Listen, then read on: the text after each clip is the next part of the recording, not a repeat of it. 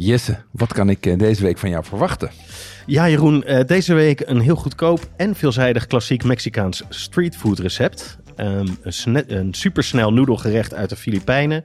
En het ideale eenpans comfortfood gerecht voor eh, de gure dagen. Elke week bespreken we drie nieuwe recepten die lekker gevarieerd en door de week te maken zijn. Eh, klonk aantrekkelijk. Welke gerechten hebben we het dan over? Ja, we hebben het over vegetarische Mexicaanse enchiladas. eh, de panchit sutangon, een eh, Filipijns gerecht dus. En een aardappel- en erwtenchowder. Dat, oeh, dat klinkt aantrekkelijk en heel veel vragen meteen. Ehm, we beginnen even bovenaan. De Mexicaanse streetfood.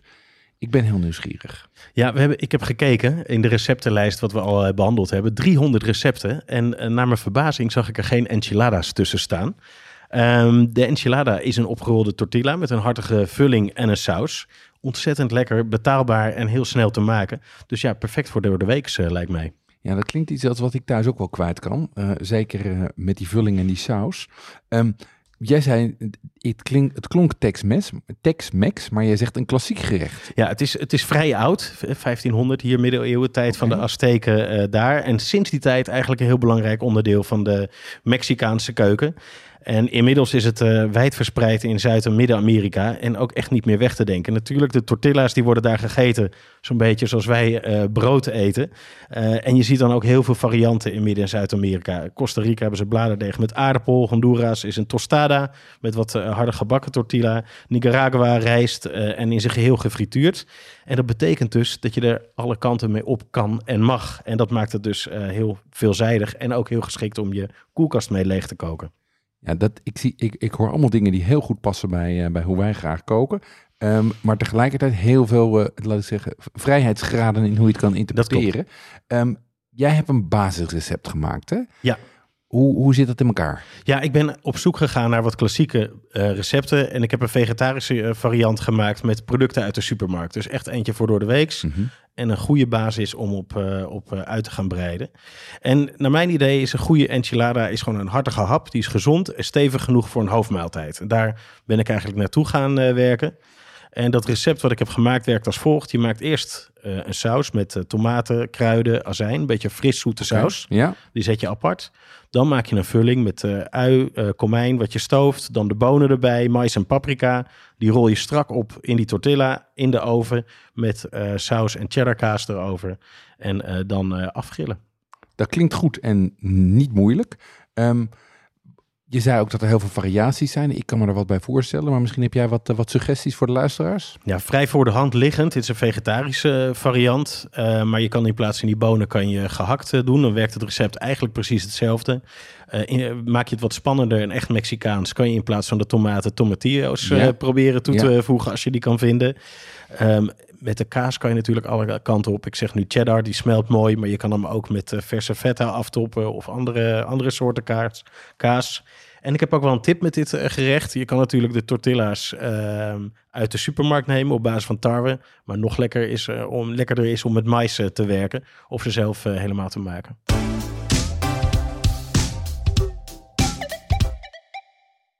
Op onze site hebben we ruim 400 recepten staan, maar voor meer dan 200 ingrediënten moet je toch echt even naar een speciaalzaak gaan of een toko. Ja, en vanaf nu kan je die dingen online vinden bij onze partner pimenton.be. Dat is de webshop voor foodies en hobbycooks. We hebben inmiddels al onze recepten gekoppeld aan een webshop. Bestellen gaat dus heel makkelijk. Het is alleen klikken op een link in de ingrediëntenlijst. Ja, en Pimenton zit in België, maar bezorgt in de hele Benelux voor 3,95. Ga naar pimenton.be om te bestellen. Ik ben geïntrigeerd door het, eh, door het tweede gerecht dat je daar straks noemde. eh supersnelle noedels uit de Filipijnen. Eh, maar je mag het zelf even uitspreken. Ja, dit is de panchit sutangon. Dan zou ik het alsnog een beetje verkeerd doen, maar ik heb opgezocht. Volgens mij Ja. zit ik aardig in de buurt met deze uitspraak. De panchit is een overkoepelende term in de Filipijnen voor noedelgerechten. Ja, en de soetangon zijn de doorzichtige noedels van mungbonen. Die ken je eigenlijk wel. Een soort van doorzichtige vermicelli-achtige heel noedels. glibberig. Beetje glibberig Ja. zijn ze inderdaad. Zijn best goed te krijgen bij de supermarkt eh, inmiddels. En ook de toko heeft het wel in verschillende diktes. Ehm, je kent het ook wel als lumpia-vulling. Dat Ja. zijn meestal die hele kleine, Van dunne. die Vietnamese lumpia's, waar die, die dunne Precies. vliebertjes in zitten. Ja. ja. Nou, dat spul, maar dan wil je voor dit gerecht wil je wat, eh, wat dikkere hebben. Ehm, en die kan je dus goed vinden bij, bij de toko en ook wel de beter gesorteerde supermarkt.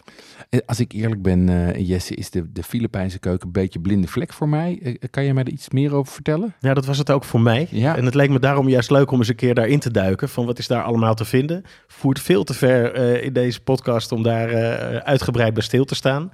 Ehm, maar wat ik wel kan zeggen is dat het net als andere Zuidoost-Aziatische keukens heel veel ja, elkaar heeft onderling heeft beïnvloed. Natuurlijk eh, Chinese invloeden met noedels, wat je overal eh, daar ziet. Maar ook eh, koloniaal verleden met eh, Spaanse overheersers die allerlei bereidingswijzen en ingrediënten meenamen. Ja, Uh, maar het is ook een tijd een Amerikaanse kolonie geweest voor een jaar of 50. oké. Waardoor je wat fastfood invloeden ziet. Wat ook alweer heel interessant is. Dus ja, interessante keuken om verder eh, in te duiken. Wat ik er leuk aan vond en waar ik ook zeker eh, me verder in ga verdiepen. Is dat zij echt zijn van eh late lunch, vroeg diner, kleine gerechten. Een beetje tapasachtige stijl eh, gerechten. Oké. Dus dat is, dat is heel interessant. Sharing plates. Zeker. Natuurwijn. ja. nee, heel, heel interessant en, en leuk om eens eh, wat dieper in te kijken. Eh, eh, terug naar de eh pancit sotangon. Doorzichtige noedels, dat is vast niet het enige. Nee, zeker niet. Ehm, ik leg even uit hoe je dit recept maakt. De basis is eigenlijk kippenpoten koken in water met gember en knoflook. Best wel lang, zodat het een beetje uit elkaar gaat vallen en je kippenbouillon overhoudt. De kip die ga je daarna eh shredden of poelen. Ja. Een soort van pulled chicken eh, van maken. En dan is het kwestie van eh, wokken van die kip, groenten erbij. Dit recept is met ui, pultjes, wortels, selderij. Kan je wel redelijk mee variëren. En je brengt het op smaak met vissaus en de kippenbouillon. oké. Je topt af met limoen, bossenui. Ehm, en dan heb je eigenlijk een heel basic en vrij licht gerecht. En dat is ook wel eens lekker. Oké, dat, dat klinkt heel goed en inderdaad, eh, en inderdaad licht op de voetjes, maar wel voldoende smaak. Ja. Want al die, eh, die limoen en die bossen en die toppings zorgen natuurlijk voor dat het voldoende kracht heeft. Ja, en wil je hem nou echt nog een tikje zwaarder maken, wat meer vulling, dan zou ik daar gewoon een, een eh, eitje klutsen met wat soja en vissaus bakken, reepjes snijden en dat er ook weer overheen. Maak je net wel iets meer eiwitten. Ja, en ik vermoed dat het volgende gericht ook een stukje zwaarder is, een chowder. Wat, ehm, eh, wat, wat is dat voor een, wat is dat voor gerecht? Ja, ik heb er na lange tijd weer eens eentje op het menu eh, gezet, want het is natuurlijk heftig.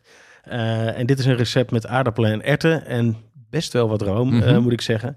Ehm, ja, perfect recept dus voor, de, voor een gure dag.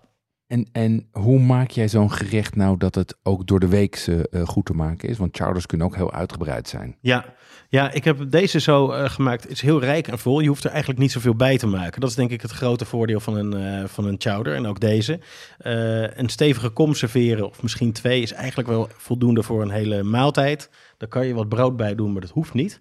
Dus dat maakt het eigenlijk eenvoudig. Je maakt gewoon een eenpans, eh eenpansgerecht. Ja, en eigenlijk is het gewoon een dikke soep, hè? een chowder. Ja. En, en, ehm, hoe, hoe maak je een, eh, een goede chowder? Ja, het is wel altijd een beetje opletten dat je de juiste consistentie eh, bereikt. Eh, het hoort natuurlijk stevig te zijn, maar je moet het ook niet overdrijven. Er moet geen lepel rechtop in blijven staan. Het moet iets van smeugheid houden. Ehm, in dit recept zorgt een deel van die aardappels, een deel die pureer je mee en een deel hou je heel. Mhm. En die eerste die zorgen voor de binding. En wat je doet op het moment dat het te stevig begint te worden, want dan neigt het snel naar natuurlijk met, eh, met zetmeel, is dat je dat een beetje met volle melk eh, gaat, eh, gaat verdunnen. En dan iedere keer weer pureert tot je de consistentie hebt die je wilt hebben. Dat is een beetje de truc met dit gerecht. En, wa- en wat voor consistentie zoek je dan?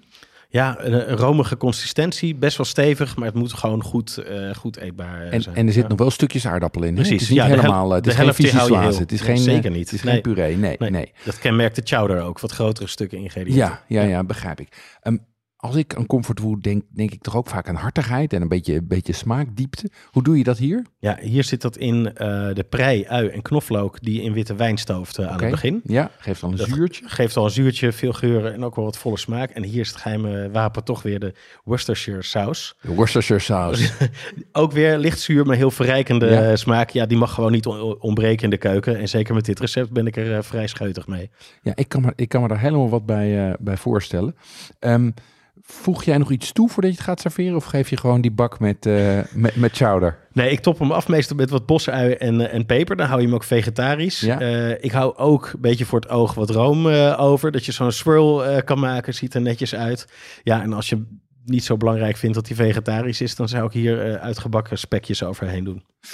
Dat klinkt hartstikke goed. Ehm, dat, bedoel, echt ideaal herfstgerecht eh, met de kou. Ehm, bij mij gaan in ieder geval de enchiladas op het, op het repertoire in diverse varianten. Ehm, en ook die Filipijnse keuken ben ik ook door geïntrigeerd. Dus er is weer Absoluut genoeg, eh, genoeg te doen. Zeker. Wil je deze gerechten ook maken? Kijk dan in de omschrijving van je podcast app en klik op de links. Dit is een productie van Wat Schaft de Podcast. Volgende week zijn we er weer met drie nieuwe weekgerechten. Want ook dan geldt, bestellen kan altijd nog.